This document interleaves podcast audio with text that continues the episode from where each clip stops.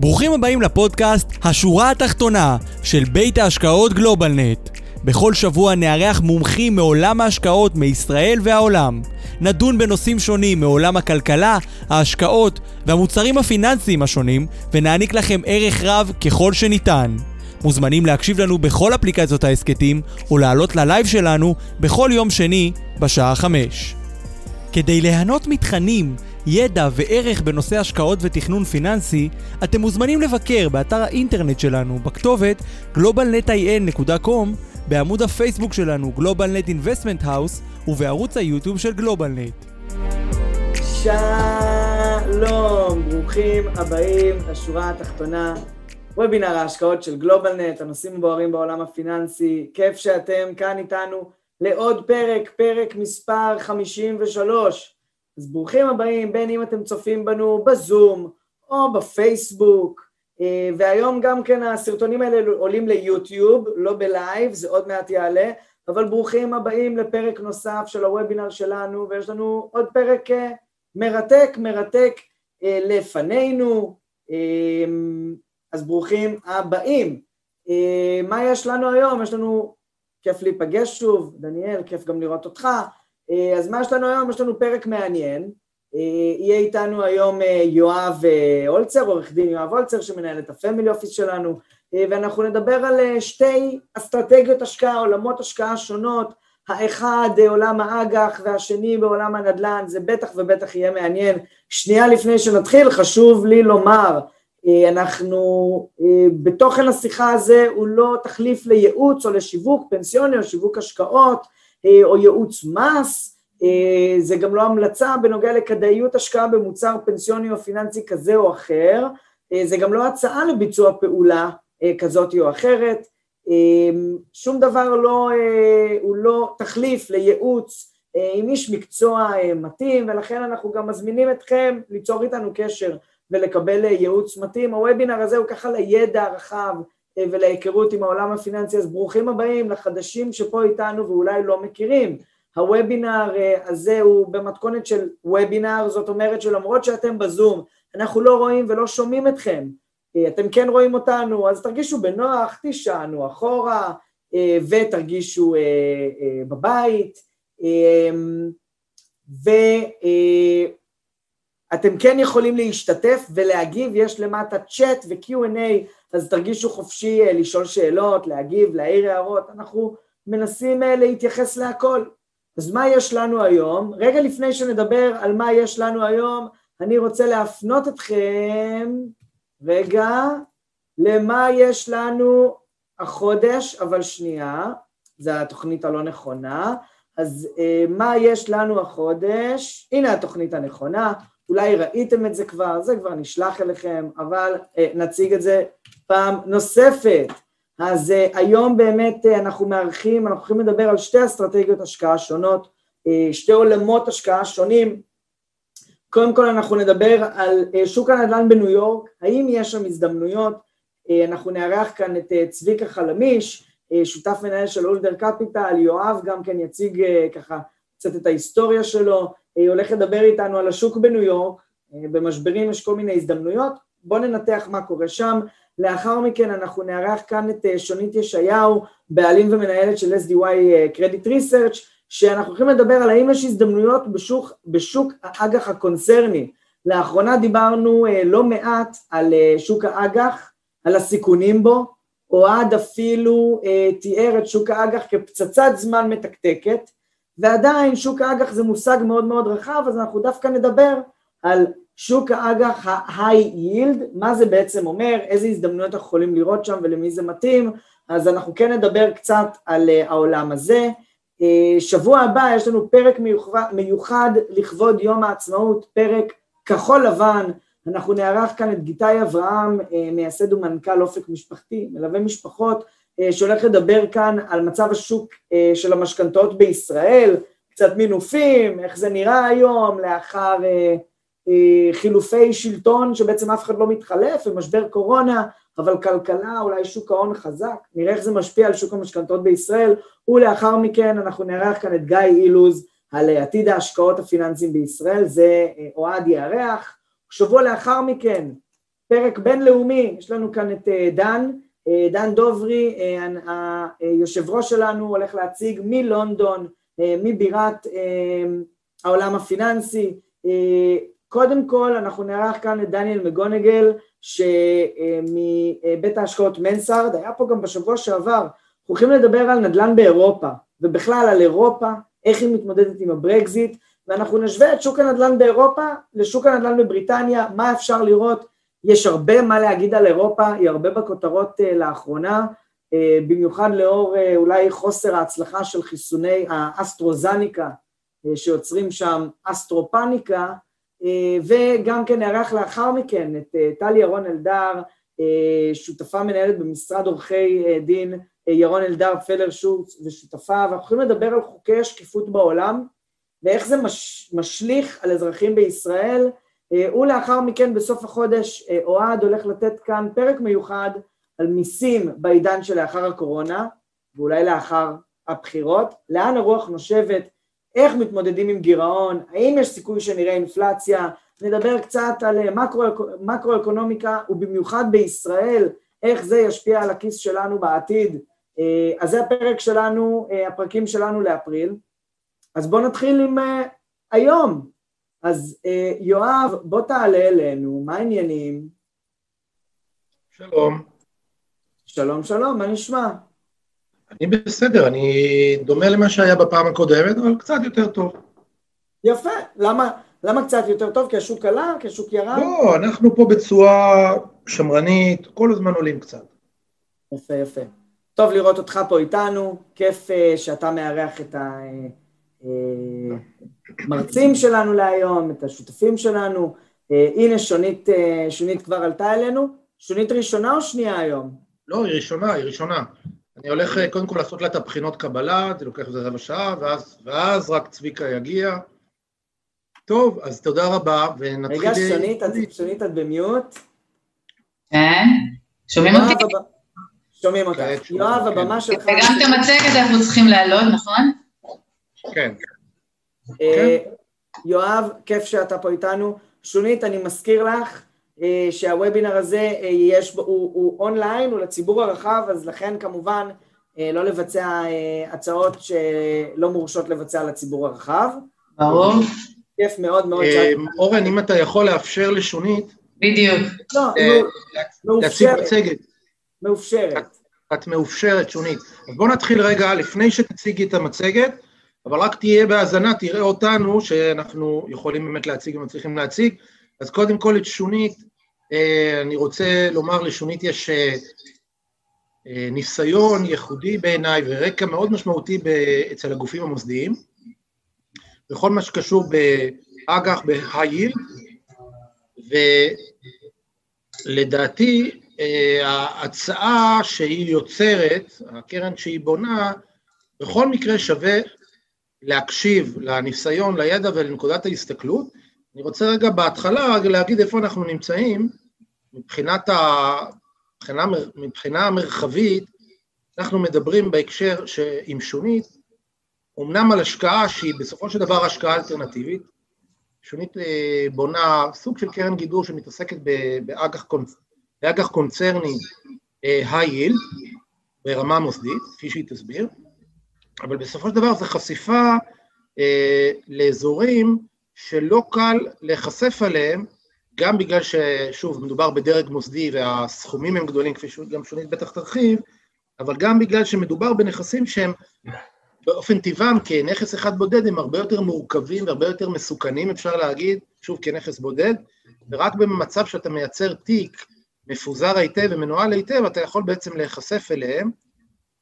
עכשיו באמת, כשדיברנו הרבה פעמים פה על האג"ח ועל הבעיה של האג"ח, שומית תכף אני, אני אגיע לשאלה ראשונה ולהצגה, אנחנו הרבה פעמים דיברנו פה בוובינרים, אנחנו באמת מדברים על זה הרבה מאוד בגלובלנט, שהאג"ח שיש בתיקים המוסדיים, בכל מיני מוצרים פיננסיים ומוצרים פנסיונים למיניהם, מייצר לנו בעיה בגלל שהתשואות מאוד מאוד נמוכות, המחירים מאוד גבוהים, ואז בירידה של השווקים, מכל מיני סיבות, לא חסר היום סיבות לזה שהשוק ירד כי הוא גבוה היום שוב בשיא של כל הזמנים, עם מכפילים אה, ב-S&P 500 מעל 41, זה מכפילים אה, קיצוניים, פעם המכפילים השניים בגובהם בהיסטוריה אחרי המשבר של 2008, כלומר מיד לפני המשבר, ואז הייתה את הקריסה הגדולה. אה, והאג"ח עלול בתיקים לרדת מאוד ולפגוע בשווי התיק, אבל פה אנחנו מדברים על סוגים אחרים של אג"חים, על תשואות אחרות, שהדרך בכל זאת להיחשף אליהם, כמו ששונית תדבר, זה בדרך של פיזור ו... וניהול איכותי. שונית, הכדור הוא אצלך, אני הייתי שואל אותך קודם כל, איך הגעת דווקא לתחום הזה, בכלל לפיננסי ובאופן ספציפי, להתעסק דווקא בתחום כזה? ספרי אולי על הניסיון שלך, על הרקע שלך. טוב, אז קודם כל לפיננסים הגעתי ממש ממש בטעות. הייתי חמש שנים במודיעין בחיל האוויר בצבא, והשתחררתי, ולמדתי תואר ראשון כמו כולם. ובשנה השלישית, בסוף התואר, לקחתי קורס בחירה של ניירות ערך. ולא היה לי מושג, לא, אתה לא יודע מה זה ריבית, אתה לא יודע מה זה מניות, מה זה אגרות חוב. והקשבתי לקורס הזה, הוא היה סופר מעניין, ואמרתי, וואי, איזה מגניב, זה ממש החמ"ל מבצעים של הכלכלה. פה הכל קורה, שם אני רוצה ללכת, שם אני רוצה להיות. ו-rest is history. ממש ככה. והשאר זה היסטוריה, ובאמת, באותה שנה כבר עשיתי את הבחינות של הרשות לניירות ערך לניהול השקעות, ועבדתי בפסגות, ועשיתי סטאז' בניהול תיקים, ואחרי זה המשכתי באלטשולר שחם כמה שנים טובות, ועשיתי הכל, הכל, הכל. הייתי מנהלת השקעות בפנסיה והגמל של אלטשולר שחם שלוש וחצי שנים, גם בעיצומו של המשבר, אל תוך, מ-2007 אל תוך 2008, כמו שכולכם יודעים, אחד המשברים הגדולים שעד היום אנחנו חווים את התוצאות שלו ואת ההשלכות שלו על השוק. הוא עוד לא הפסיק, המשבר הפיננסי למעשה הוא בעצם עדיין שם. וככה הייתי כמו כל מנהל השקעות טוב על המסכים, רואה את המניות, את האג"חים, את הזה, ופשוט להתמזל מזלי להיות באותה תקופה בבית שהיה מאוד מאוד מוטה חו"ל, והתאהבתי בהשקעות בחו"ל, וספציפית בהשקעות בקרדיט, שזה באמת איזושהי גישה אחרת, נורא נורא מוטט fundamentals, נורא נורא מחייבת היכרות מעמיקה של מכשירים פיננסיים והבנה טכנית של השוק, תכף אני אסביר, כי השוק הוא בעצם over the counter, הוא לא מסחר רציף כמו שכולם מכירים פה באגרות חוב בארץ, או במניות בארץ או בחו"ל, שזה נסחר ב stock exchange, ופשוט התאהבתי בזה, ולימים עשיתי אפילו הסבה והפכתי להיות אנליסטית של קרדיט, של חוב בחו"ל, הקמתי את תחום חוב בחו"ל באלטשולר שחם, ולמעשה ניהלתי את ה bond picking לבית בחו"ל, ולימים אחרי זה עשיתי את זה גם ב family office שנקרא נוטרימנטל, היום זה דיימונד קפיטל. שאלה, שאלה, בדרך כלל גופים מוסדיים משקיעים כאן, נכון? לא משקיעים בחו"ל. אז קודם כל גופים, מטבע הדברים, מכיוון שמנהלי השקעות מכירים היטב את השוק המקומי וחשים שיש להם יתרון רב בשוק המקומי, ומכיוון שההשקעות הן בסופו של יום המשקיעים המשקיעים שקליים, לכן הייתה נטייה לאורך זמן, הרבה פעמים בשיעור חשיפה כזה או אחר, להיות מוטים לשוק המקומי. אני חושבת שזה הלך והשתנה עם השנים, אני חושבת שכל בית בוחר לו כמה חשיפה ומתי הוא ייקח יותר לחו"ל ובאיזה מכשירים פיננסיים, ולכן זה נורא משתנה ותלוי בבית השקעות, באופי, באופי של מנהלי ההשקעות. לי התמזל מזלי ככה באמת להיות בבית שהיה תמיד מוטה השקעות, ואחרי זה להיות בבית שהוא לא חברת או בית השקעות ישראלי, ולכן בעצם ב-16 שנה האחרונות אני די מתעסקת כמעט רק בחו"ל ורק בחוב בחו"ל, וזה גם מה שהעסק שלי היום עושה, הוא בעצם מספק ללקוחות כשירים, ותכף אני אסביר גם למה דווקא לקוחות כשירים ולמה קשה לגברת כהן מחדרה, כמו שאומרים, לקנות איגרת חוב בחו"ל, ולמה זה נשאר עד היום בעצם שוק של שחקנים מקצועיים. אבל זה תחום ההתמחות שבו בעצם נותנת שירותים של portfolio management, credit research, מחקר בעצם של לטובת השקעות בחוב בחו"ל, וייעוץ בתחום ההשקעות בחוב בחו"ל, כשכרגע אנחנו בעיצומו של גיוס הון לקרן פרטית, קרן השקעות פרטית, במבנה של קרן גידור קיימני, שהיא תתמחה בהשקעות בדירוג ה-yield בחו"ל, Worldwide, בכל הסקטורים השונים, בכל המדינות השונות. אני אתן קצת רקע ברשותך, יואב, על, ה, על השוק הזה, ולמה הוא שונה ממה שאנחנו מכירים, וכמובן אני אשמח לשמוע כל שאלה. אני, רק, אני רוצה רגע אה, לוודא כשאת אומרת שאת מתעסקת בהייל, את מתכוונת שאת מתעסקת באג"ח זבל בעצם? שאלה מעולה, אה, וזה עוד לפני שנגענו באמת במבנה של השוק. אז אה, אני אתן את התשובה שאני נותנת לכולם, התשובה הכי פשוטה ואמיתית, שבעצם אם חברה ישראלית פה שהנפיקה חוב והיא קיבלה דירוג של A או A מינוס, אז אם מחר היא הולכת ומנפיקה את החוב בדולרים בעולם, בשוק הגלובלי, היא תקבל דירוג של B פלוס BB מינוס. זאת אומרת שרוב רובו של החוב פה בארץ ברמה הגלובלית, לא local rating, הוא חוב של yield.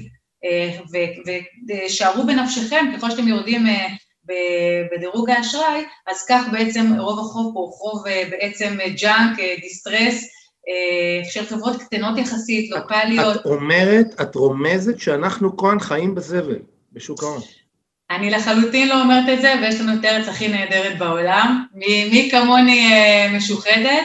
אה, יחד עם זאת, בסוף בהשקעות כמו בהשקעות, אתה רוצה לקבל כמה שיותר ביחס לסיכון שאתה לוקח, ואם בעצם היום מקבלים תשואה זניחה על חוב בדירוג של A, אז אתה יכול ללכת לעולם ולקבל בין חמישה אחוזים לשישה אחוזים תשואה דולרית, תורידו את עלות הגידור, שהיום אני לא יודעת, אני משערת שעומדת, היא כבר עלתה, היא הייתה נורא נמוכה בגלל שער הכלים, אבל היום זה בטח אחוז, ותורידו קצת אינפלציה, עדיין זה ספרד נאה מאוד, אה, של לפחות 200-300 basis point, זאת אומרת שלושה אחוזים אה, מעל מה שקיים לכם בשוק המקומי. אז, שוב, בלי לדייק... אני, אה, אז אני רוצה רגע להגיד רגע משהו על הנושא הזה של אג"ח. באופן עקרוני, אנחנו בתור משקיעים, נניח פרטיים, לא דרך ייעוץ, לא, ולא דרך ניהול תיקים, אנחנו בעצמנו נחשפים, קשה מאוד לעסוק בסוג כזה של השקעות, כי הסיכון הרבה יותר מורכב,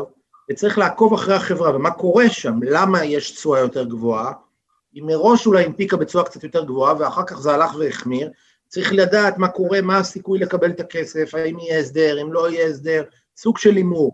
מבחינתך, מה השיטות, הכלים המרכזיים שגורמים לסוג כזה של השקעה באמצעות קרן, להפחית את הסיכון וליצור בעצם אה, מכשיר פיננסי שהוא viable, שהוא משהו שאפשר לעבוד איתו.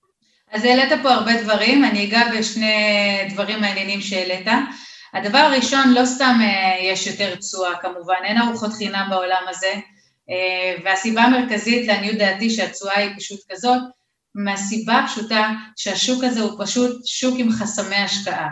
אה, כמו שהתחלתי קודם להגיד, גברת כהן מחדרה, או גברת שונית לצורך העניין כמשקיע פרטי, יהיה לו מאוד מאוד קשה להשקיע באופן עצמאי.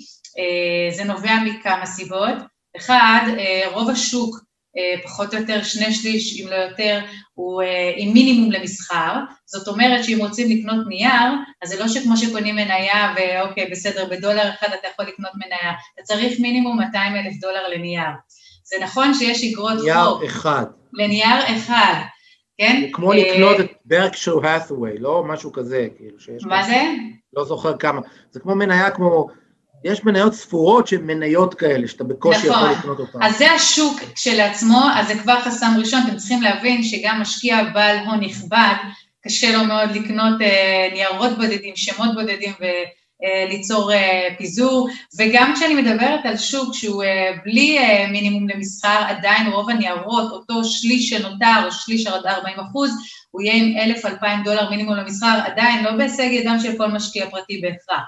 הדבר הנוסף החשוב שחשוב להבין, ונגעתי בזה קודם, שזה שוק שהוא over the counter, מה שנקרא OTC. זאת אומרת, הוא לא נגיש ברמה הזאת של אני עכשיו פותחת ויש פלטפורמות אינטרנטיות ואני קונה, כמו שיש פה בשוק בארץ או בשוק המניות בחו"ל, בלחיצת אה, עכבר, אה, אלא באמת זה שוק שהוא שוק אה, אה, מאחורי הדלפק, שמי שסוגר את העסקאות זה עושה שוק מה שנקרא market makers, ולכן צריך לעבוד דרך החדר מסחר, דרך ברוקרים, שאולי הם מתווכים הרבה פעמים אה, אה, אותך לאותו market אה, maker, צריך למצוא סחורה בעצם, לא כולם מחזיקים את הסחורה, צריך בדיוק להבין, לעשות איזשהו מכרז, להבין בשוק בעזרת מערכת הבלומברג, שהיום היא פחות או יותר די מונופול בתחום הזה של הבונדים והקרדיט נוטס, שמה בבלומברג, במערכת הזאת, יש ציטוטים בעצם, שנותנים אינדיקציה לעסקאות בשוק ברמת מהימנות כזו או אחרת, השכירות לא תהיה תמיד זהה, זאת אומרת שאנחנו מדברים על זה שגם צריך להחזיק עכשיו בלומברג אם אתה שחקן מקצועי שרוצה באמת לנהל פורטפוליו כזה בצורה דינמית, וזה עולה אלפי דולרים בשנה. גם אתה צריך להכיר את השוק ולדעת איך הוא נסחר, ולא כל מסחר שתעשה עם סוחר כזה או אחר תקבל אותה תוצאה, לפעמים אפילו זה יהיה... למה בכלל, אגב, למה נגיד שבכלל אתה באמת רוצה, כדאי לך, זאת אומרת, השוק של ה-high עושה אה, איזשהו, איזושהי אלפא על השוק הרגיל של המניות, S&P 500, לא משנה כרגע, שוק, איזשהו שוק אה, שאתה יכול להשוות מולו? כן, אז קודם כל, אה, כן, אני אראה לכם פה כמה שקפים שיראו באמת, ולשם אני חושבת שאתה פותר את האטרקטיביות של השוק של ה-high בעולם. אז אם מסתכלים על השקף, אתם רואים את השקף שאני מציגה עכשיו, נכון? אז אפשר לראות... יש פה שקט שכתוב עליו valuation 1-2. זהו, אז אנחנו כבר, אנחנו במתקדמים, יואב. התקדמנו למתקדמים. אז, אז אנחנו אה, בעצם אה, רואים מצד אחד אה, בעמודה אה, האנכית את התשואות בגרף השמאלי, אני מסתכלת כרגע, ובאופקית אנחנו רואים את המח"מ, את המשך חיים אה, הממוצע לפדיון, שזה בעצם איזשהו אינדיקטור לסיכון של האיגרת חוב. ככל שהאיגרת חוב בעלת אה, מחה, משך חיים ממוצע ארוך יותר, כך היא יותר מסוכנת, אה, מכיוון שכל שינוי בתשואה שלה בעצם ישפיע יותר על המחיר, ואם התשואה או הריביות עולות בשוק, המחיר שלה יותר יתרסק. זה לא חד משמעי, מכיוון שההייל, אחד היתרונות שלו, זה שבניגוד לדירוג שהוא דירוג השקעה בעולם, הוא פחות מושפע מהתנודות של הריבית בשוק, מכיוון שכאן הוא יותר אה, עם מתאם לשוק המניות, יותר אה, האיכות של החברה, איכות האשראי. אני רוצה רגע שנייה פה רק להגיד, ובקשר לדיוריישן לעשות את זה עוד יותר פשוט, שאנחנו משקיעים, פה מדובר באג"ח קונצרני, אנחנו משקיעים באיזשהו קונצרן, והקונצרן הזה מבטיח להחזיר לנו איזשהו קופון במשך עשר שנים, ולהחזיר לנו אחרי עשר שנים. ותחשבו בעשר שנים כמה שינויים יכולות יכולים לעבור על חברות. חברות קטנות כמו טבע, תחשבו מה הם עברו בעשר שנים. חברות קטנות כמו טסלה, מה הם עברו בעשר שנים. מה קרה לאפל לפני 15 שנה ואיפה היא היום? חברה שקיימת כבר 40 שנה או 30 שנה, הרבה מאוד שנים. עשר שנים זה טווח מאוד מאוד גדול. עכשיו, אתה נותן הלוואה למישהו, נגיד בהנפקה הראשונית של הנייר, של 200 אלף דולר, ואתה רוצה להאמין שהם ישלמו לך 200 אלף דולר חזרה, בנוסף לקופונים, כעבור עשר שנים. ולכן הסיכון, ככל שהוא יותר, ה-duration, מה שכתוב פה בצד שמאל בציר ה-X, הוא אמור היה להפחית, צריכה להגדיל את התשואה הרצויה, או את הסיכון שיש בהשקעה. נכון. בדיוק, זה גם מתחבר למה שאמרת קודם, לזה של מה עושים עכשיו, אין תשואות בשוק, איפה התשואות נמצאות. אז שם המשחק פה זה relative value, זאת אומרת יחסיות. ומה שחשוב לי להראות בעצם שבאופן יחסי, יחס של uh, סיכוי סיכון, תשואה לסיכון עצמו, למח"מ, בעצם ההייד הוא כוכב, אה, הוא הרבה יותר אטרקטיבי משאר הדברים, בוודאי מסביבת הריבית שהיא מאוד מאוד נמוכה. אם אנחנו מדברים על סביבת ריבית דולרית, אז אפשר לראות פה באדום את העקום של ממשלת ארצות הברית, שלשנתיים הוא היום באזור ה-0.16 אחוז, והיום האיגרת הממשלתית לעשר שנים של ארצות הברית, אחרי הקפיצה שעלתה היא כבר על אזור ה-1.7 אחוז, גם אחרי שהיא קפצה בכמעט 0.8 אחוז מתחילת השנה, עדיין זה תשואות נורא נורא נמוכות, בעצם קיבלנו מצב כזה שיש לנו תשואות די סביב האפס עד אחוז, שניים לטווחים הארוכים מאוד, 10-30 שנה, ואז כשאנחנו מסתכלים נגיד על הגרף השמאלי, אפשר לראות שאנחנו תמיד נחפש כמה שיותר תשואה, זאת אומרת, להיות כמה שיותר גבוה פה בחלק של הגרף. למשל, אנחנו נהיה באסיה, בצד שמאל, ברבעון, ברביע השמאלי הצפוני, צפון אה, מערבי, אנחנו, נראה, אנחנו נרצה להשקיע באסיה, למשל, אבל אנחנו לא באמת נשקיע רק באסיה, נכון? נגיד בקרן כזאת. נכון, אז יש גם שונות בתוך השווקים עצמם.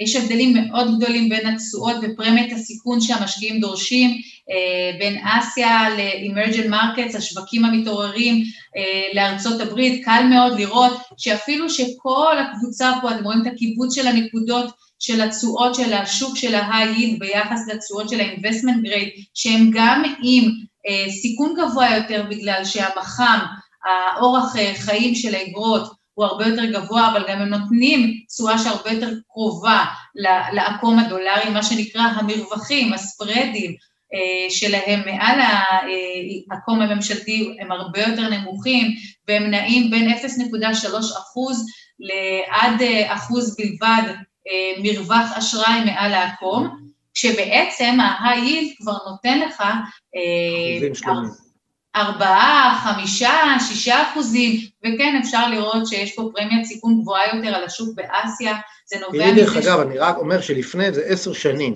שהיינו משתמשים בפקדונות בנקאים רגילים, שעשו שבעה ושמונה, לא בעשר שנים, כבר 12 שנה, 13 שנים, שהיה פיקדון של שישה אחוז, שבעה אחוז, שמונה אחוז, עכשיו אנחנו צריכים ללכת yield, ולהקשיב למישהי שהיא מתמחה במתמטיקה של פיננסים, עם תואר שני, נכון?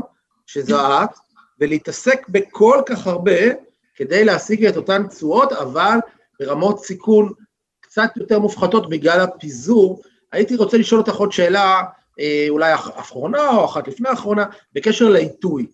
העיתוי שאנחנו נמצאים בו, קודם כל אני רק רוצה להגיד שהעיתוי הזה הוא אה, יוצא דופן, אני מתעסק בהשקעות ובפיננסים כמעט כל החיים, והחיים שלי מתחילים כבר להתארך, זה כבר מתחיל די להצטבר כל הנושא הזה, וממרום גילי וניסיוני במאות ואלפי השקעות, אני רוצה להגיד שאני הגעתי למסקנה שאני לא מבין כלום.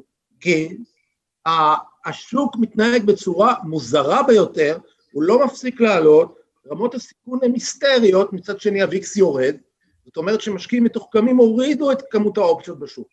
ואז אני אומר, ובנוסף היום, האג"ח לעשר שנים של ארה"ב עולה בכלל, ממשיך לעלות, ולמרות שהוא עולה, אנשים משקיעים במניות. אז אני אומר, אני כבר, די, אני מרים ידיים, אני אומר, יש פה משהו שאני לא מבין, כנראה יש הרבה דברים שאני לא מבין, אבל בקשר לעיתוי, אז שהעשר, שה, מה שיש לנו פה ברבעון הימני, הדרומי פה, הדרום-מזרחי, ה-10Y government, שהוא היום 1.7, 1.75, מתי הרגע הראשון להיכנס להשקעת היי? אז ככה, התשובה הראשונה שלי בתור uh, מנהלת השקעות הרבה שנים זה שבן אדם אף פעם לא יודע uh, מתי הטיימינג הנכון אגב, לא בהכרח גם לא לצאת, אבל גם לא להיכנס. Uh, אני, התשובה שלי שתמיד צריך להיות בשוק. Uh, ואני אתן דוגמה, uh, בדיוק uh, לפני שנה וקצת, uh, בסוף 2019, משכנו את השערות בראש ואמרנו, די, עד מתי אנחנו כבר בסביבת ריבית אולטרה נמוכה. לא מחזור, לא יכול להיות. מאז 2008 כל הזמן הייתה תקופה ב-2015, 16 קצת עליות ריבית בארצות הברית, אבל מיד אה, אה, שוב הסתיימה הסאגה הזאת וחזרו להוריד ריבית אה, בשנה האחרונה, כמו שאתם יודעים. ואז הגיעה הקורונה. ואז נהיה קורונה וזה, אבל ב-2019 אתה אומר, טוב, לאן זה כבר יכול להגיע? לאן זה כבר יכול להגיע, והמרווחים גם כן היו בדיוק כמו עכשיו, והתשואות היו גם כמו עכשיו. אה, והנה הייתה לנו שנה של 2020, שאם היית אה, קונה, היו הזדמנויות שלא ראיתי מאז 2008 של לקנות אה, ב-60-50 סנט לדולר אגרות חוב ולעשות עשרות אחוזים על ניירות של חברות מאוד מאוד חזקות. אז בעצם מה שאני אומרת זה, חוץ מהעובדה שתמיד, בכל מצב, גם בשוק יחסי, השם של המשחק, שם המשחק הזה Relative Value, זה יחסיות. תמיד אם יש לך ריבית... אז זה דרך אגב. זאת, זאת התשובה, התשובה היא שאין זמן, כי זה לא קשור לזמן, זה תמיד זה איזשהו... זה גם וגם, אני רוצה לומר שככה. איזשהו פער. בכל מצב, איזשהו... בכל מצב אתה צריך להיות מספיק חכם כדי להיות במקום שיש בו יותר תשואה ביחס לסיכון. לא בהכרח, כמו שאמרת, שאנשים אה, נורא נורא נבהלים שאין ריביות, אז יש לך פתאום אחוז ריבית, אז אני אקח אה, אה, השקעה במכשיר שנותן לי שישה אחוזים, אבל אני אבדוק טוב טוב טוב מה הסיכון שאני לוקחת תמורת השישה אחוזים שאני מקבלת, כי לפעמים באמת יש איזושהי ריצה לנכסים מסוכנים בגלל הבהלה הזאת של במה להשקיע. ופה באמת אתה צודק, חשוב המומחיות, כדי לדעת כן. ולקחת... אז מה? רגע, אז אני רוצה רגע רק להגיד לך שאת אמרת לי שבחמש וחצי את חייבת ללכת, וזה עכשיו, אני רק רציתי לסכם ולהגיד כמה דברים. ראשית, להגיד לך תודה רבה. ושנית, להגיד שאני מאוד מאוד מעריך אה, את המומחיות של אנשים, להיכנס לנישה מסוימת ובאמת להבין בה, ואז אתה באמת יכול לתת ערך. אני גם רוצה עוד לציין עוד, עוד משהו, שמבחינתי סליחה שזה עדיין ככה, אבל מבחינתי לראות אה, אישה, סליחה, שכל כך מומחית, באמת, שהיא יזמית, שהיא קמה ועושה ומקימה, בכלל שאפו, אני מוריד את הכובע ו... שמע, אבל שמעתי שמבטלים לנו עכשיו את השוויון המגדרי. לא, אה, אין שוויון מגדרי בסוף? מה השעה? שמעתי יש כמה פוליטיקאים שרוצים לבטל את השוויון המגדרי. פה אנחנו לא... אה, זה, הכל שטויות, הכל זה בני אדם, לא משנה מה המגדר. כן, אז בכל מקרה שונית, אני מאוד מעריך את היזמות, את העוצמה, את הידע. המון המון תודה שהצטרפת אלינו. תודה לך, יואב. אה, אתם, מי, שת, מי שירצה שהוא עכשיו אה, בקהל, באודיאנס, אז אה, כמובן נשמח לחבר אתכם לשונית, או תרצו עוד מידע מאיתנו וכן הלאה.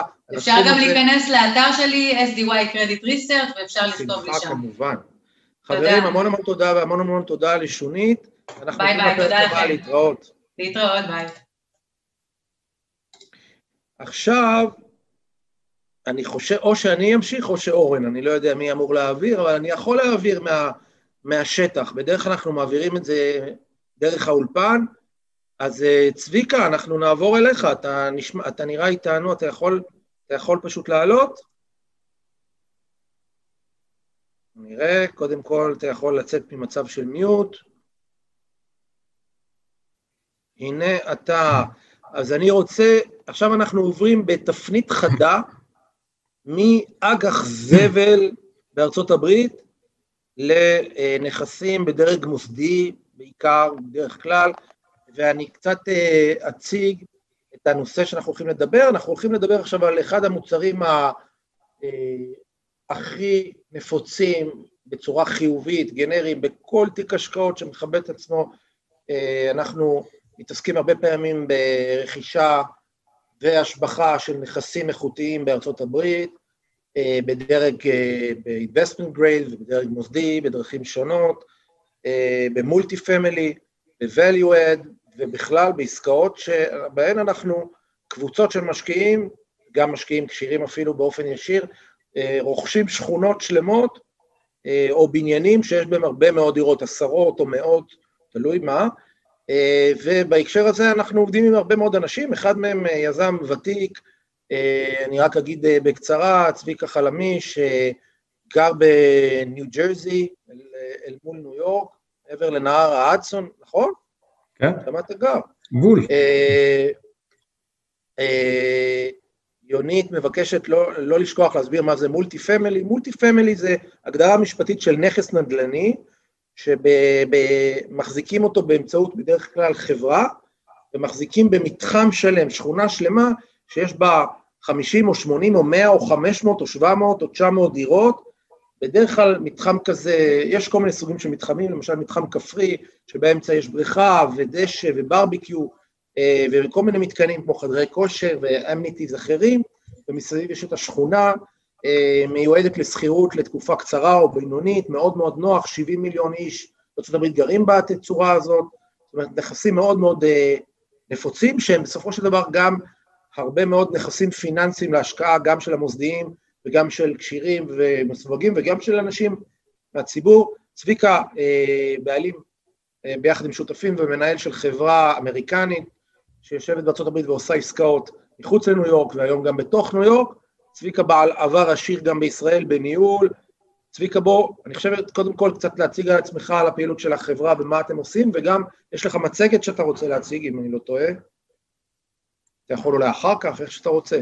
כן, נעלה את זה. יש לך חנוכיה מעל הכתף הימנית. כן. אני רואה, כן? לכבוד פסח שסיימנו. אוקיי, אז צביקה בינתיים, אני מציג אותו, צביקה אה, אה, עבד הרבה שנים במשרד האוצר, אחראי על אה, עולם של, ניהל עסקאות גדולות של תשתיות כמו כביש 6, פרויקטים לאנרגיה שאובה, פרויקטים גדולים של אה, השתתפות של יזמים ושל המדינה, EPP, מה שאפשר להגיד. אה, לאחר מכן אה, עברת להיות ראש משלחת ישראל בניו יורק, נכון? הייתי, כן. אני באוצר טיפלתי בעצם בכל הפרויקטי תשתית שבעצם נעשים במימון השוק הפרטי, שבעצם משלבים יזם פרטי, בנק, הם פרויקטים פיננסיים, כמו כביש 6, כמו מנהרות הכרמל, כמו מתקני התפלה, רכבת קלה בירושלים, פרויקטים שכולכם מכירים, אז זה, זה עשיתי בין 2000 ל-2005 כסגן החשב הכללי. ב-2005 עד 2010 הייתי ראש המשלחת הכלכלית בארצות הברית, שבעצם טיפלה בגיוס החוב החיצוני של אה, מדינת ישראל, שזה הנפקת אגרות חוב בשוק האמריקאי, בשוק האירופאי, אה, וקשר עם חברות הדירוג וקשר עם המשקיעים. חזרתי לארץ, הייתי מנכ"ל של אשרה, אשרה זה חברה לביטוח סיכוני סחר חוץ, שם זה יותר לעבוד על עסקאות, אה, יותר קשורות להרצאה הקודמת, מדינות, סין היא המדינה הכי טובה שם, כל מיני מדינות באפריקה, שבעצם ביטחנו סיכונים בעסקאות במדינות האלה. ובמקביל ב-2010 התחלתי להשקיע עם שותפים בנדל"ן, ומ-2015 זה בעצם זו הפעילות העיקרית, אנחנו יושבים בניו יורק, מעל 100 עובדים, ומשקיעים, כמו שיואב אמר, בנכסים של מולטי פאמילי, שזה בעצם דירות להשכרה, אה, ואנחנו בעצם קונים נכסים, משביחים אותם, ואז מוכרים אותם כנכסים יותר טובים. אה, אז אם אה, נתחיל בעצם,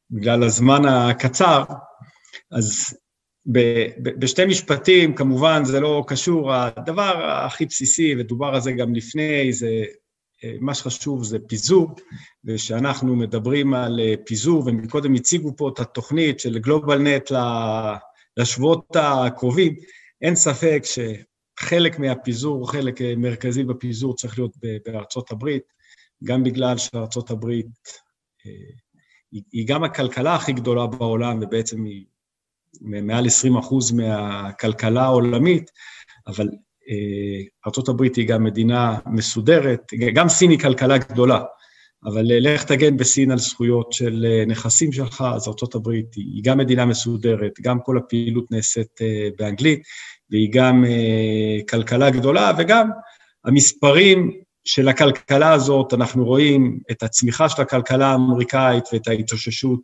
מהקורונה, רואים את התוצר לנפש, שהוא בערך 50 אחוז אה, מעל המדינות המקבילות אה, באירופה, אה, וכמה דברים שהם יותר חשובים לגבי העתיד, אנחנו רואים את ההשקעה של ארצות הברית במחקר ופיתוח, מה שאומר שגם יהיו לזה תוצאות.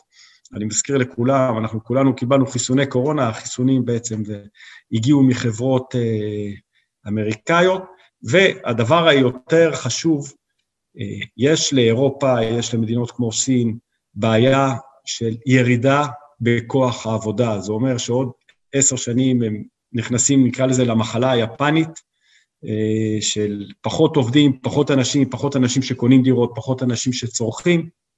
בארצות הברית האוכלוסייה צומחת, רק עכשיו על הגבול של מקסיקו יכולים בכל רגע נתון לעבור עוד 100 מיליון איש אם לא יעצרו אותם.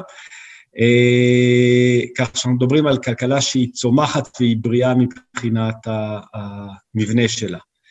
אה, אמרנו כמה מילים על הקבוצה שלנו, אנחנו מנהלים אה, מעל, למרות שכתוב כאן 2,700, מעל 3,000 יחידות של מולטי פאמילי, בעיקר בחוף המזרחי. התחלנו את הפעילות שלנו בניו יורק, התרחבנו לפעילות במקומות נוספים, ועוד מעט נדבר על זה, אנחנו כרגע חושבים שנכון לחזור ולהשקיע בניו יורק, אם כי אנחנו לא משקיעים רק אה, בניו יורק. אז מה, מה, בעצם אנחנו, אה, מה בעצם אנחנו עושים?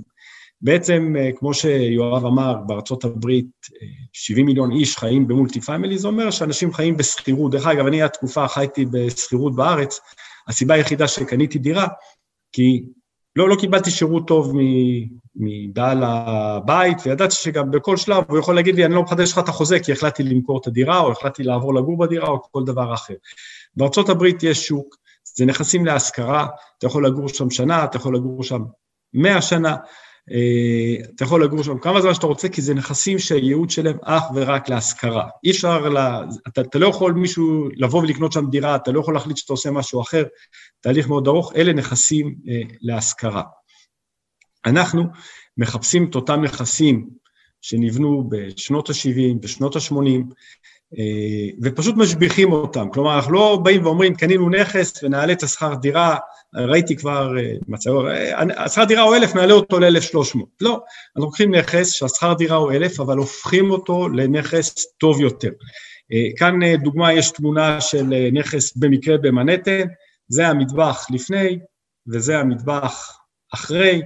כמו שאתם רואים, מתוספת של מוצרים איכותיים יותר, מטבח איכותי יותר, עד יש פה את המגירה הזאת שזה מדיח כלים ומכונת כביסה. כלומר, אנחנו הופכים את הבית לבית טוב יותר, ולכן השכר דירה גבוה יותר, לא בגלל שהשוק עלה, אלא בגלל שהמוצר הוא מוצר uh, טוב יותר. דוגמה נוספת של uh, גם uh, במקרה במנהטן,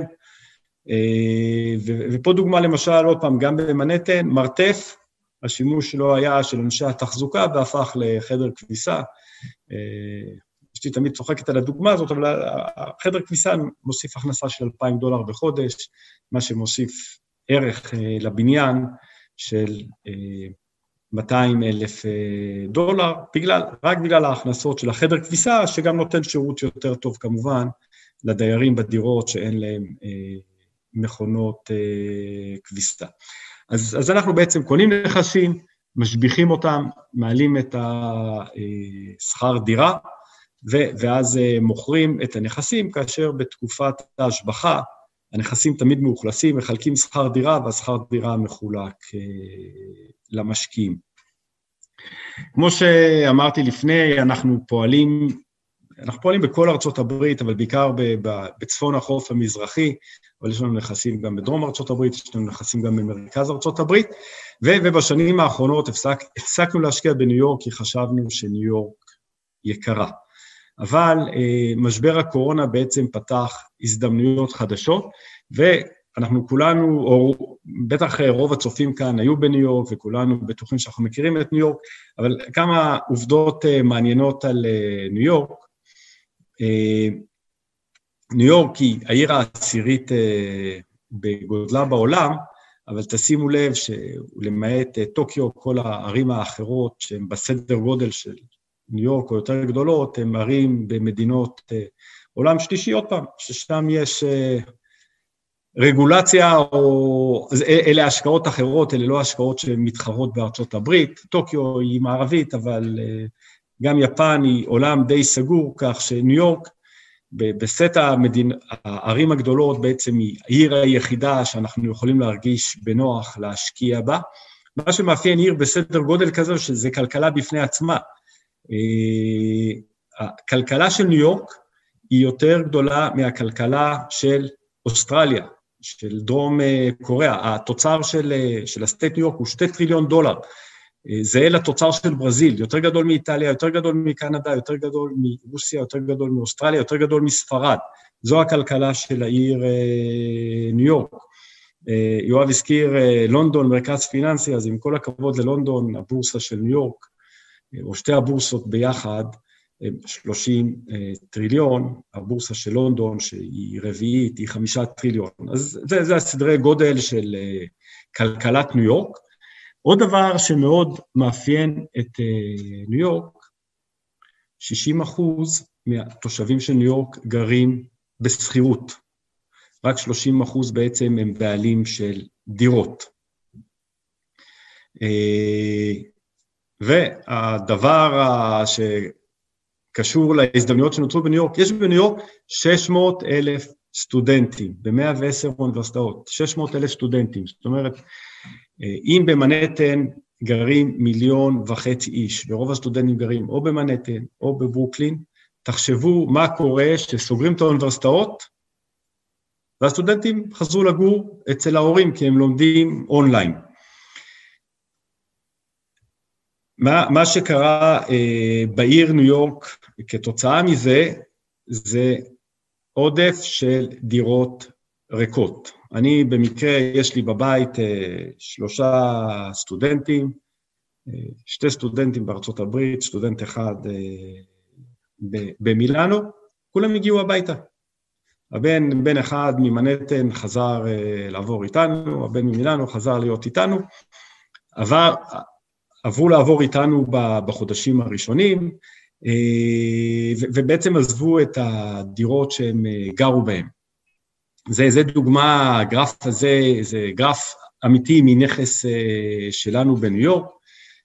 כמו שאתם רואים, יש ירידה בהכנסות, וזה במקרה נכס שהתפוסה ירדה מ-100%, ירדה לאזור ה-85%, אז קודם כל יש יותר חדרים ריקים, ויש יותר כאלה שלא משלמים. זה נכס קטן של 30 דירות, מדייר אחד שלא משלם, פתאום 6 דירות שלא משלמים, 6 דירות מ-30 זה, זה 20 אחוז, זה המון.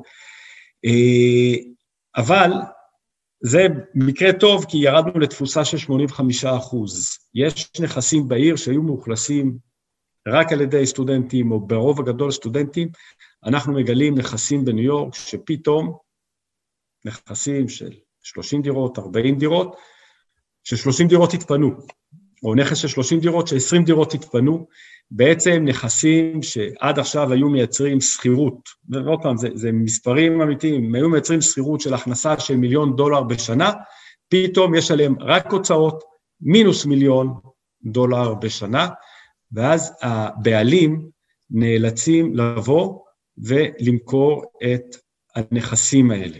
אה, אין להם בעצם את היכולת כרגע לשלם את ההוצאות השוטפות, אין להם כרגע את היכולת לשלם את ההלוואות בבנק, והאלטרנטיבה שלהם היא למכור את הנכס בזול, לפעמים למכור נכס אחד כדי להציל עוד שלושה נכסים אה, אחרים, ואנחנו בעצם כרגע נמצאים בתהליך כזה או אחר על מספר אה, נכסים, לרכוש אותם במחיר שמשקף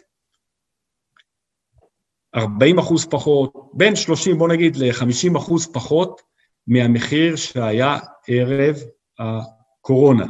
אה, אתה מגלה שבדרך כלל עסקאות רצות מהר כי יש צד שמוכר ויש צד שקונה. שעסקאות רצות הרבה יותר לאט, שיש צד שמוכר אבל הוא לא רוצה למכור באמת, אבל הוא נאלץ למכור לבין צד שרוצה אה, לקנות. אה, אני, אני יכול לספר לכם שהתחלנו לעבוד ב-2010 וקנינו נכסים כתוצאה ממשבר הנדל"ן ב-15% פחות ממחיר השוק, אלה היו הנכסים הכי טובים, כי בעצם קנינו את הנכסים בזול, היום אנחנו קונים נכסים ב-30-40 אחוז פחות.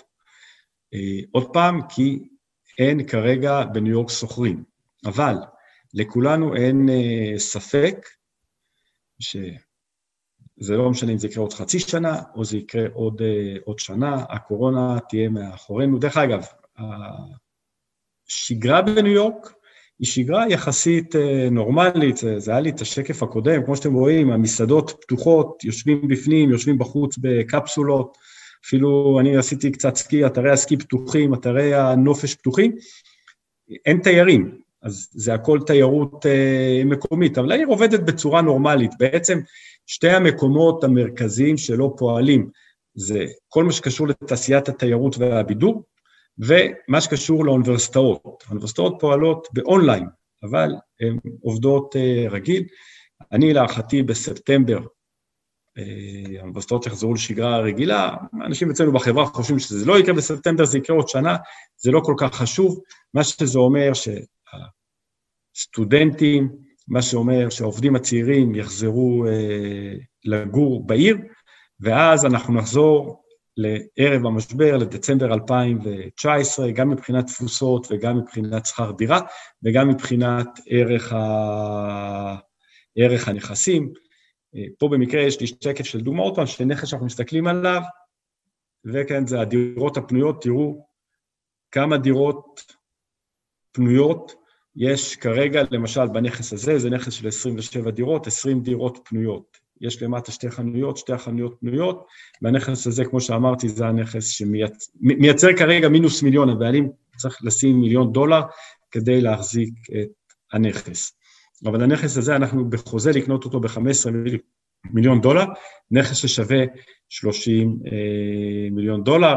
אנחנו רק עשינו אה, סתם בדיקה, אנחנו כרגע, את הנכס הזה, אנחנו קונים במחיר למטר מרובע של 5,400 דולר, שזה בערך שליש מחיר ממצב רגיל אה, בניו יורק, חצי מחיר מתל אביב, במחירים בערך של ראש העין. זאת אומרת, ההתלבטות כרגע, האם לקנות נכס בניו יורק או נכס אה, בראש העין, הייתי אומר, של הפיזור, אפשר להכניס גם את ניו יורק.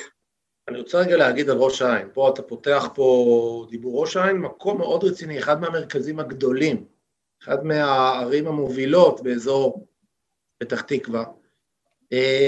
תגיד, רציתי לשאול אותך שאלה, הרי העסקאות שאנחנו חיפשנו במשך השנים הם היו מחוץ לניו יורק. ניו יורק הייתה גם מאוד יקרה וגם נוצר שם הבעיה של הדיור המוגן מפני העלאת שכר דירה. אה, זאת אומרת, רגולציה שלפתע, בצורה לא ממש שאפשר היה לשער שהיא תקרה, אה, הדהימה הרבה מאוד משקיעים, כי פתאום אי אפשר היה להעלות את שכר הדירה, במיוחד בעסקאות השבחה, זה מאוד מאוד מקשה לנו להרוויח. אז קודם כל זה לא השתנה. דבר שני, ועוד שאלה, אתה אומר שבקרוב, ויש מי שבחברה חושב שבעוד שנה, יכול להיות גם תרחיש שניו יורק, מכרך סואן כזה וכל כך גדול, משהו יקרה שם, כי הרבה אנשים גם עזבו, לא בטוח שהם יחזרו, אולי אנחנו בתקופה אחרת. מה היא בעצם, איך אתה, מה יכול לחזק אצלך את התחושה, שאני מבין שאתה חש אותה, שיבוא יום שהמחירים האלה יחזרו, ולכן מדובר בהזדמנות אה, יוצאת דופן. אז בואו נתחיל מהשאלה הראשונה. באמת אחת הסיבות שיצאנו מניו יורק היא חקיקה שעברה ובעצם קבעה שבאותם נכסים שהם תחת חוקים של rent stabilized, זה קבוצה מסוימת של נכסים להשכרה, אסור להעלות מחירים. כלומר, יכלנו לקחת נכס, לשפץ אותו, אבל אסור להעלות את המחיר. מה שכמובן אמר, אין, אין בעצם יכולת אמיתית ליהנות מהשבחה. אה, גם כרגע אנחנו מסתכלים על נכסים אך ורק שהם free market, ואתה יודע, אנחנו אומרים שאלה טובה זה שיש תשובה בשקף. כמו שאתם רואים, יש פה uh, הגדרה של הדירות, רוב הדירות פה הן free uh, market, מעט מאוד דירות של rent uh, stabilized. כלומר, אנחנו לא נכנסים כרגע לנכסים של rent stabilized, כי שם אי אפשר להעלות את השכר אה, דירה. אז אנחנו נמצאים ב free market, המודל גם לא מניח בכלל העלאה של שכר דירה, אלא שהדיירים חוזרים והם משלמים את מה שהם שילמו בדצמבר. בקשר לשאלה השנייה, אני יכול להגיד לך שאנשים כבר חוזרים לעיר, לא, לא מחכים בכלל שיפתחו את האוניברסיטאות ולא מחכים שיפתחו את מקומות העבודה. אז עוד פעם, אני, יש לי גם אה, דוגמה מהבית, אה, הבן הגדול שלי אמר, טוב, היה נחמד, התארח בבית, עשיתם לי כביסן, הכנתם לי ארוחות, אבל אני, אני צריך לגור בוויליג', וחזר לדירה שלו, וכמוהו חזרו החברים שלו. הבן הצעיר שלי, אה, החברים שלו מישראל, למרות שלא פתחו את האוניברסיטאות, כבר חזרו לניו יורק, השכירו עוד פעם דירות בניו יורק וגרים בניו יורק, ואנחנו גם רואים את זה בנכסים. המסה הגדולה, מן הסתם, תגיע שהמקומות האלה ייפתחו, כולם כבר משתוקקים אה, לחזור לניו יורק ורוצים לחזור לניו יורק, ברור שכל עוד הם לומדים אונליין, הם לא יוציאו 2,000 דולר על שכר דירה, אבל אנחנו רואים את החזרה, למרות שהמקומות אה, אה, לא נפתחו. וברגע שהמקומות יפתחו גם לאנשים לא תהיה ברירה, בסוף אם אתה צריך להיות בקמפוס, אתה צריך לגור בניו יורק או באזור ניו יורק, אתה לא יכול לגור אה, במרכז ארה"ב או בישראל או באירופה, ו... ולהגיע לקמפוס כל יום. כן. טוב, נו, אה, מבחינת ההסתכלות על הנכסים, אנחנו לא משקיעים בנכס אחד, נכון? איך ההסתכלות שלך כרגע קדימה? אז אנחנו... אתה משקיע בנכס או שאתה משקיע בקרן, מה הצורה הנכונה בעיניך להתעסק בסוג הזה? הצורה הכי נכונה היא להשקיע בקרן ולהיות מפוזרים על שמונה נכסים, כי, כי קודם כל זה, זה כלל נכון אה, ב, בכל סוג של השקעה, זה, זה להיות אה, מפוזר, ובכל עיתוי להיות במקום הנכון. אז כרגע יש הזדמנויות בניו יורק, מן הסתם אנחנו מתכננים לרכוש באזור הארבעה נכסים אה, בניו יורק בתקופה הקרובה.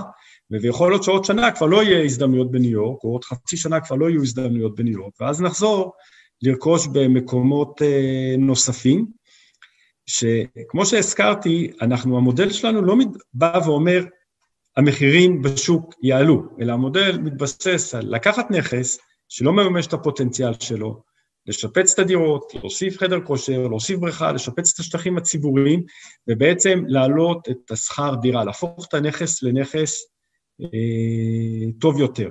אז גם שם, לא מזמן למשל רכשנו נכס בסאוט קרולנה, מקום שנקרא נורט מרטל ביץ', שמעבר לשדרוג הנכס והשיפוץ של הנכס, למשל אחד הדברים, הפכנו חלק מהיחידות להשכרה לטווח קצר, מה שמעלה את התשואה בצורה משמעותית. כלומר, אנחנו עדיין ממשיכים לפעול ונמשיך לפעול גם במקומות נוספים, כי זה חשוב, אה, זה חשוב אה, לפיזור, ולחפש אותן הזדמנויות שלא תלויות בשוק. אני לא מדבר על זה שכרגע, לפחות אה, התחושה בקרב מי שבענף, שבגלל הקורונה היו פחות התחלות בנייה ויש צפי גם לעליית מחירים, אבל כמו שאמרתי, זה בכלל לא חלק מהמודל שלנו, אם תהיה עליית מחירים, אנחנו נהנה ממנה, וזה ייתן תשואה אה, נוספת. המודל שלנו מתבסס אך ורק על פיזור והשבחה של נכסים אה, קיימים.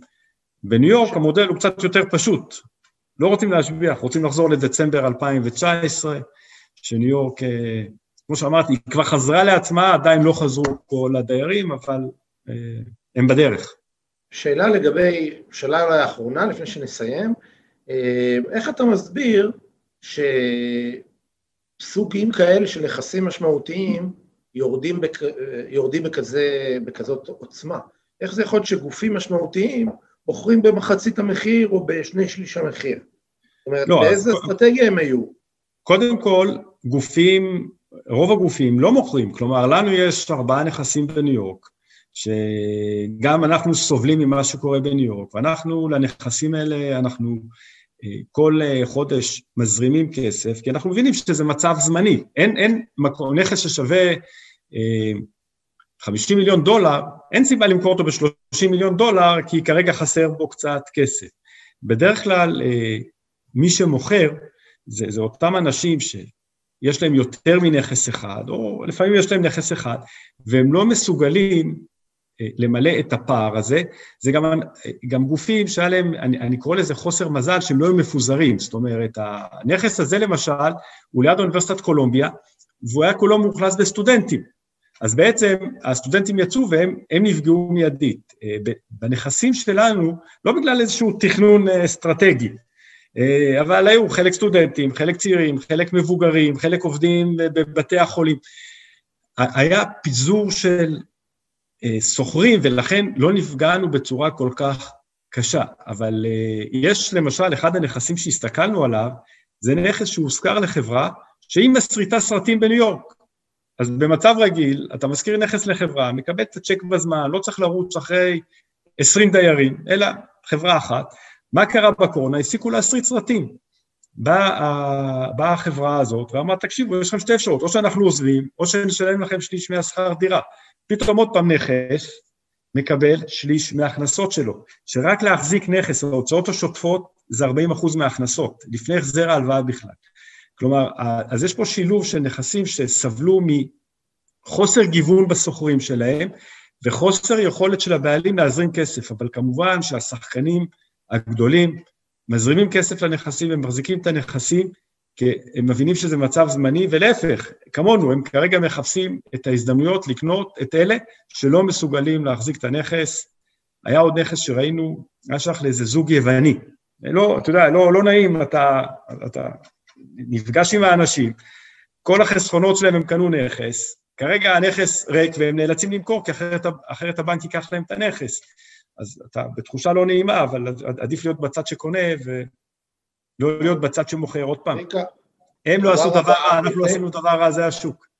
זה, מה, זה, זה המשחק. אה, כן. לפני שאני רק אסיים, אני רק אומר, כי נשאלו פה גם שאלות, שאנחנו ממש ממש בזמן הקרוב, בשבועות הקרובים, משיקים כאן קרן אה, משותפת לנו, יחד עם החברה של צביקה, אה, ואנחנו כמובן נוכל לתת לכם מידע ברמה אישית למי שיפנה וירצה לדבר איתנו. אה, אנחנו מכירים את אה, צביקה כבר הרבה שנים אה, ונהנים מאוד לעבוד איתו. בתחום הזה של מולטי פמילי יש כמובן כל מיני מוצרים.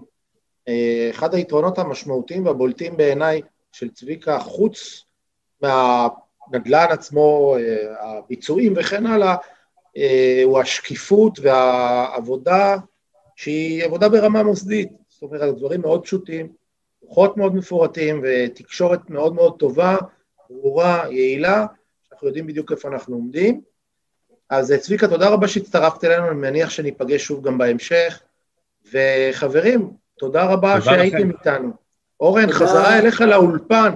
תודה רבה לכל הצופים, תודה לך יואב, תודה לצביקה. היה מקסים, לימד אותנו קצת על, אה, על ניו יורק, על ארה"ב, על שוק הנדל"ן. אה, היה מעניין. אין ספק שנדל"ן זה תחום שאין לו, אין שני לו. אה, צביקה, המון המון תודה על ההשתתפות שלך היום. יואב, תודה כן. על האירוח היום. וגם שונית שהייתה איתנו כאן היום, לא יודע אם היא עוד פה בצופים, אבל כיף שהיית פה איתנו. ותודה לצופים. אז אה, יואב וצביקה, תודה רבה. תודה לך. תודה לכם. אז חברים, אה, אתם מוזמנים אה, לעקוב אחרינו בפייסבוק כמובן, ולפנות אלינו, מי שמתעניין, אגב, במייל חזרה, או בפייסבוק, או דרך הוואטסאפ, איך שלא הגעתם אלינו, בטח קיבלת, מכירים אחד מאיתנו בסופו של דבר, ואם לא, אז דרך הפייסבוק, או אלינו למשרדים. אה, ואנחנו אה, נתראה בשבוע הבא. מה יש לנו בשבוע הבא? אה, פרק מיוחד לכבוד יום העצמאות, אנחנו נדבר כאן על עתיד ההשקעות בעולם הפיננסים בישראל ועל סיקור מצב שוק המשכנתאות והמינופים בישראל. נארח כאן גם, גם כן את גיתי אברהם וגם כן את גיא אילוז, אוהד וייגמן יעשה את הפרק הזה. פרק לכבוד יום העצמאות. אז בינתיים שהמשך שבוע טוב, תודה רבה שהייתם איתנו. תודה רבה לכל הצופים שנשארו איתנו עד הסוף, ונתראה בשבוע הבא, ביום שני בשעה חמש, כמו בכל שבוע, בשורה התחתונה. תודה רבה לכולם. לסיומו עוד פרק מלא ערך של הפודקאסט, השורה התחתונה, מאת בית ההשקעות גלובלנט. תודה רבה שהייתם איתנו והאזנתם לפרק. אתם מוזמנים לבקר אותנו באתר האינטרנט שלנו globalnetil.com, לעקוב אחרינו בעמוד הפייסבוק שלנו GlobalNet Investment House וללחוץ לייק כדי לעקוב אחרינו. כל הפרקים של השורה התחתונה זמינים בערוץ היוטיוב של גלובלנט. להתראות בפעם הבאה.